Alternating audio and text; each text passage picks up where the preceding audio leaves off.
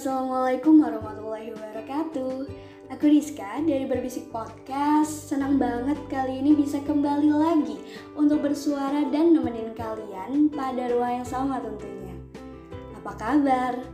Semoga kalian dalam keadaan sehat dan tentunya dengan hati yang berbahagia Kayaknya udah lama aku gak berada di ruang ini untuk bersuara sejak setahun lalu memutuskan untuk memulai membuat podcast. Kayaknya kita tinggalkan dulu deh tentang itu. Selanjutnya, aku mau berterima kasih banyak kepada Bank Indonesia, khususnya Departemen Kebijakan Makroprudensial dan Pabrik Suara Rakyat yang telah memberi ruang untuk berbicara kembali melalui podcast competition Bicara Makroprudensial. Halo kawan milenial, kali ini aku mau ngajak kalian tenggelam pada obrolan yang semoga dapat menambah kebahagiaan kalian dengan insight yang baru tentunya. Wah, aku gak sabar banget nih mau ngobrol. Karena pada obrolan ini kita bakal ngomongin suatu kebijakan yang pastinya hype banget yaitu kebijakan makroprudensial serta digitalisasi permudah akses keuangan. Sebelum berlanjut ke si primadona obrolan kali ini, Ngomong-ngomong, kalian pernah gak sih dengar tentang stabilitas sistem keuangan? Dan pernah gak sih bertanya-tanya tentang kenapa stabilitas keuangan itu harus dijaga? Kalau aku sih jujur dulu sering nih tiba-tiba nanya tapi sama diri aku sendiri. Random aja gitu. Nanya kenapa ya kita harus ikut serta? Bukannya udah ada Bank Indonesia? Ayo, tunjuk tangan siapa yang punya pertanyaan yang sama kayak aku dulu. Kalau ada, sini. Aku mau bisikin sedikit bocoran jawabannya. Jadi sistem keuangan adalah suatu sistem yang terdiri atas lembaga keuangan, pasar keuangan, infrastruktur pasar keuangan, serta perusahaan non-keuangan dan rumah tangga yang saling berinteraksi dalam pendanaan atau penyediaan pembiayaan perekonomian. Nah, di dalam sistem keuangan itu ada dua kelompok besar, yaitu rumah tangga yang di dalamnya terdapat masyarakat umum dan pengguna jasa keuangan yang di dalamnya terdapat perusahaan serta korporasi. Ada juga nih pasar keuangan, yaitu tempat interaksi antara pengguna dan penyelenggara jasa keuangan dan tentunya didukung oleh infrastruktur sistem keuangan, yaitu sarana prasarana. Contohnya, ATM. Nah, di dalam sistem keuangan, semua elemen itu berinteraksi tujuannya untuk membantu pertumbuhan ekonomi. Kalau di dalam kehidupan sehari-hari, kalau kita ngeliat banyak orang nih, tentu aja ada interaksi dong pastinya Nah, sama halnya di dalam sistem keuangan. Karena terdapat beberapa elemen, maka terbentuklah interaksi ya kan? Nah, interaksi yang terbentuk yaitu interaksi dari pihak yang kelebihan dana menempatkan dananya ke dalam sistem keuangan. Ayo, tebak. Contohnya apa ya? Kalau di antara kalian ada yang nebak deposito, menabung, atau investasi, selamat, kalian dapat 4 jempol dari aku karena bener banget. Terus uang yang kita simpan akan disalurkan lagi ke pihak yang memerlukan. Contohnya dalam bentuk kredit. Terus, apa sih pentingnya menjaga stabilitas sistem keuangan? Gini, anggaplah sistem keuangan itu kayak laptop yang baru kita beli. Terus kita ikutin nih anjuran pemakaiannya. Kita pakai laptop yang gak ngasal, terus kita ngebiasain laptop yang gak dipakai sambil ngecharge, gak main asal tutup laptopnya aja. Nah, kebiasaan yang kita lakuin ke laptop tersebut pasti punya tujuan ya kan? Salah satunya agar si laptop berjalan dengan baik dan dapat membantu pekerjaan kita sama halnya nih dengan sistem keuangan. Ketika kita menjaga stabilitas sistem keuangan, secara nggak langsung kita sudah mempersiapkan untuk meredam segala resiko yang akan dihadapi nantinya. Pada akhirnya, interaksi dalam sistem keuangan dapat berjalan dengan baik, sehingga dapat membantu pertumbuhan perekonomian. Terus upaya kita untuk membantu menjaga stabilitas sistem keuangan itu gimana ya? Kalau dari aku sendiri, kita tuh harus jadi juri. Loh kok jadi juri? Jadi gini, kita jadi juri di kehidupan sehari-hari. Kita ngeliatin sekeliling kita, kita ngeliat nih kesempatan mereka untuk mendapatkan akses keuangannya udah merata atau belum? Udah pada melek atau masih merem? Beneran merem atau pura-pura merem nih? Nah, kita perlu memperhatikan juga tingkat inklusi keuangan. Karena kalau kita mau ngelihat Indonesia ekonominya tumbuh, harus lebih banyak masyarakat yang ikut serta dalam sistem keuangan. Ada nih langkah sederhana yang dapat kita mulai untuk membantu meningkatkan minat orang lain untuk ikut serta dalam sistem keuangan. Caranya dengan meningkatkan literasi finansial. Nah, gimana sih caranya? Misalnya ngeliat tetangga ikut investasi bodong, kita kasih tahu nih investasi yang legal itu kayak gimana. Terus kita kasih tahu juga nih, ini loh investasi bodong, kamu bisa rugi segini, kamu bakal ngerugiin banyak uang, uang itu bakal dihamburkan sama kamu gitu. Terus kita ngeliat juga kalau misalnya ada tetangga yang tergiur pinjaman online ilegal, kita bantu edukasi kalau hal tersebut pastinya akan ngerugiin mereka. Karena jujur, aku tuh kasihan banget kalau ngeliat berita tentang banyaknya korban yang dirugiin ya karena ketidaktahuan mereka. Uang yang dibawa kabur kan gak seribu dua ribu kan, jadi ikutan nyesek gitu. Nah, ada lagi nih, kalau kita punya orang terdekat, mau pacar, mau mamanya pacar, mau mamanya gebetan, gebetan. Misalnya masih nggak mau nabung di bank, terus uangnya disimpan di bawah kasur. Nah terus kita ajak nabung nih di bank, kita kasih pemahaman benefitnya apa aja gitu kan. Nah secara langsung hal-hal itu dapat menaikkan angka masyarakat yang ikut serta dalam sistem keuangan. Nah dengan harapan ekonomi Indonesia lebih tumbuh meningkat. Nah setelah kita kenalan sama si stabilitas sistem keuangan, kita bakal move nih kenalan sama kebijakan makroprudensial alias si prima dona.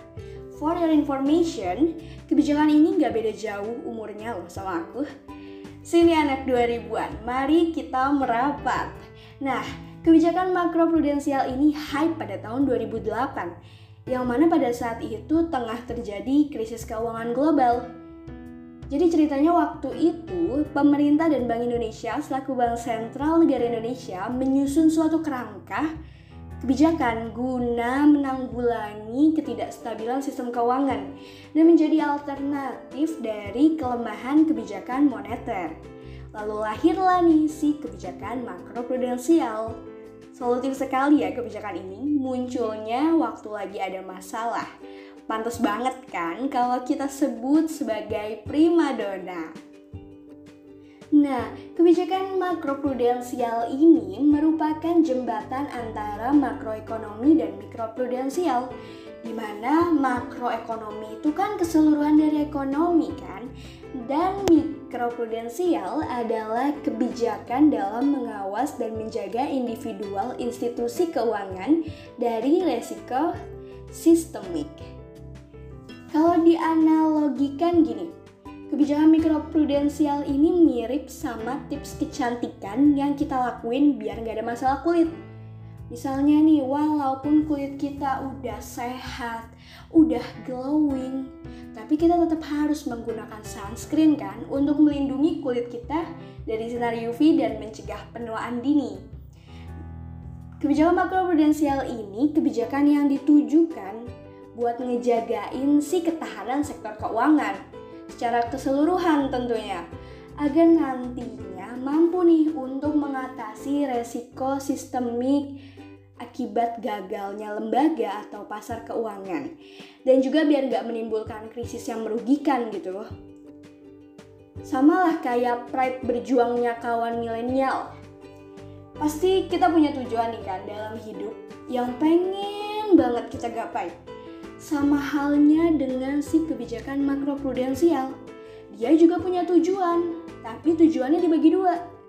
Ada tujuan antara dan tujuan akhir.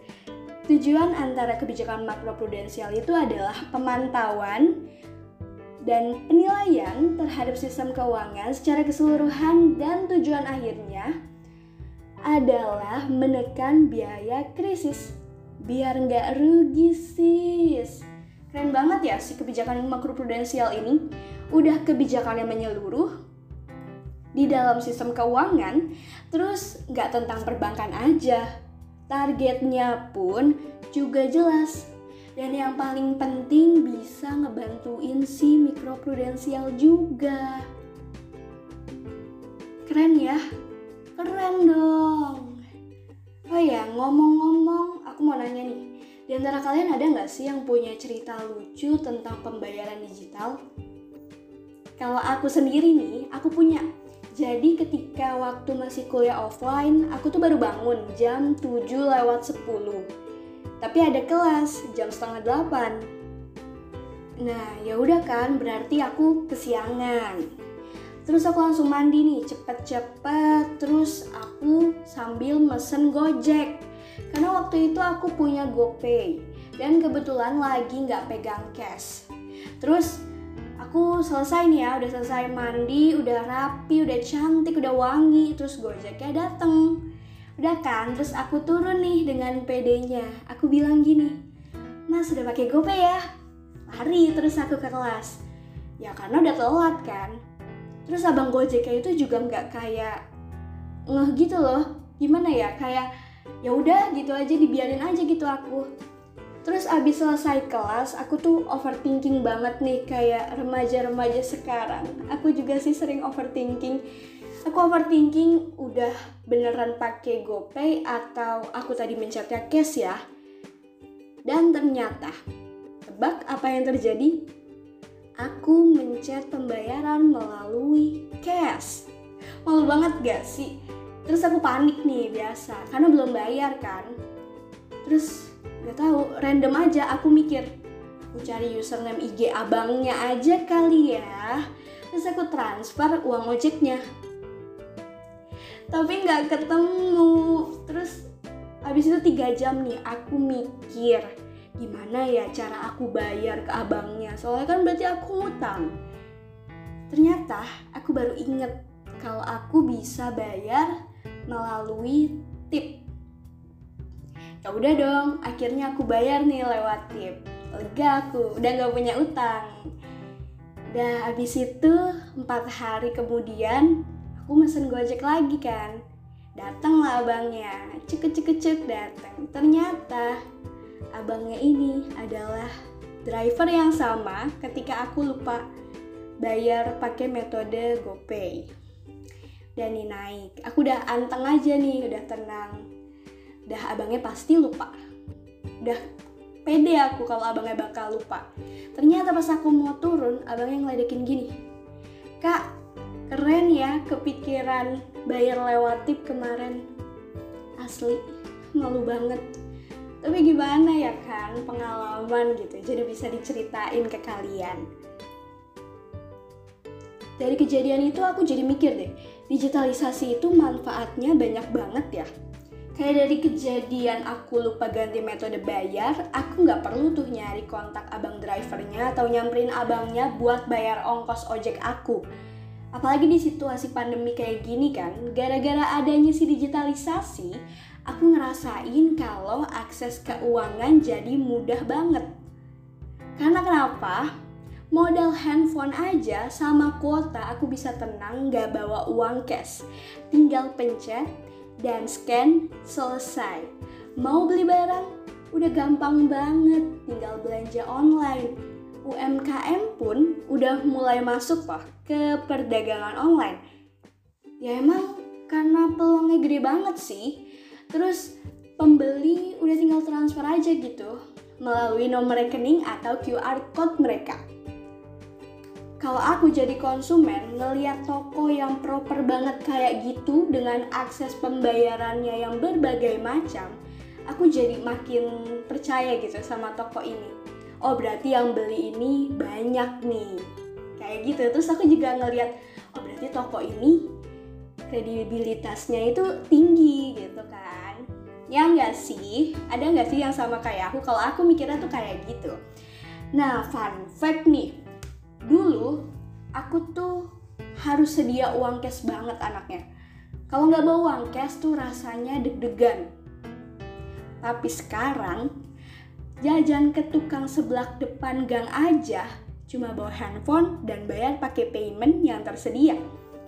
Kalau lagi males, tinggal order di aplikasi kesayangan, cari yang banyak cashbacknya, banyak diskonnya, supaya perut kenyang, dompet pun senang. Nah selain dompet senang gara-gara si digitalisasi, aku juga ngerasa pengeluaran bulananku itu jadi rapih banget karena pengeluarannya itu tercatat. Kita bisa ngeliat lagi nih riwayat pembelian, habis beli apa aja sih kayak gitu. Nah apalagi di situasi pandemi kayak gini, uang kertas atau logam kan disinyalir dapat menjadi perantara virus ya. Ngeri banget ya. Dari tadi kita udah ngomongin enaknya digitalisasi, tapi belum tahu nih apa sih digitalisasi sebenarnya. Jadi digitalisasi adalah proses mengubah suatu yang berbentuk non-digital menjadi digital. Contohnya, pembayaran dengan uang non-tunai yang dapat memudahkan banget bagi pihak penjual atau pembeli. Dan tentunya meningkatkan inklusi keuangan. Karena jadi nambah nih masyarakat yang mengakses layanan jasa keuangan otomatis bakal bertumbuh nih ekonomi Indonesia. Eh aku baru inget, aku punya cerita lagi. Jadi waktu itu aku mau beli telur gulung. Terus uangku itu ada 100 ribu. Itu masih jam 11 pagi nih. Tapi udah firasat kayak ini kembaliannya belum ada nih pasti. Tapi aku nggak menyerah begitu saja. Setelah aku melihat gerobaknya, aku menemukan stiker Chris. Seneng banget, seneng banget lah. Akhirnya aku bisa beli telur gulung tanpa nyusahin abangnya buat nyari uang kembalian ke sana kemari. Dan buat yang belum tahu, Kris itu adalah Quick Response Indonesian Standard yang dikembangkan oleh industri pembayaran yang bekerja sama dengan Bank Indonesia di mana dalam penggunaannya dapat dihubungkan dengan aplikasi dan bank yang kita punya. Misalkan kita punya aplikasi, ya kan, aplikasi ungu, aplikasi hijau ya kan. Terus kita juga punya M banking. Kita bisa tuh bayar menggunakan kris. Yang penting di aplikasi atau M banking tersebut itu ada logo krisnya. Udah banget ya. Kalau kita flashback, dulu kan setiap PJSP atau penyelenggara jasa sistem pembayaran itu memiliki QR code masing-masing. Jadinya kita sebagai konsumen rada ribet ya, karena harus punya semua nih. Terus muncul deh si Kris yang mudah banget, terus bisa lewat mana aja asal ada logo Krisnya gitu. Jadi kita nggak perlu tuh harus punya aplikasi A, harus punya aplikasi B, harus punya M banking A, M banking B. Duh, nggak perlu deh, cukup punya satu aja. Yang penting ada logo Krisnya di situ. Nah, buat kawan milenial yang mungkin punya usaha dan pengen pakai kris, tinggal datang aja ke kantor cabang atau mendaftar online pada salah satu PJSP penyelenggara kris. Ayo kita bantu Bank Indonesia untuk mewujudkan 12 juta merchant kris. Jadi, sampai di sini dapat disimpulkan kan bahwa digitalisasi itu dapat mempermudah akses keuangan karena kita dapat mengurangi kontak fisik. Terus jadi mudah nih untuk mengatur keuangan. Terus habis itu lebih aman dari kejahatan ya kan? Karena kita diem-diem aja bisa nih kita make. Gak perlu orang lain ngeliat, gak perlu antri segala macem ya kan? Terus habis itu mengurangi beredarnya uang palsu di masyarakat Dan yang paling penting nih, kita itu bisa membantu menaikkan angka inklusi guna menopang pertumbuhan ekonomi di Indonesia. Ayo jadi warga cashless kayak aku. Sekian, aku Rizka pamit undur diri. Sampai jumpa di episode berbisik selanjutnya. See you. Wassalamualaikum warahmatullahi wabarakatuh.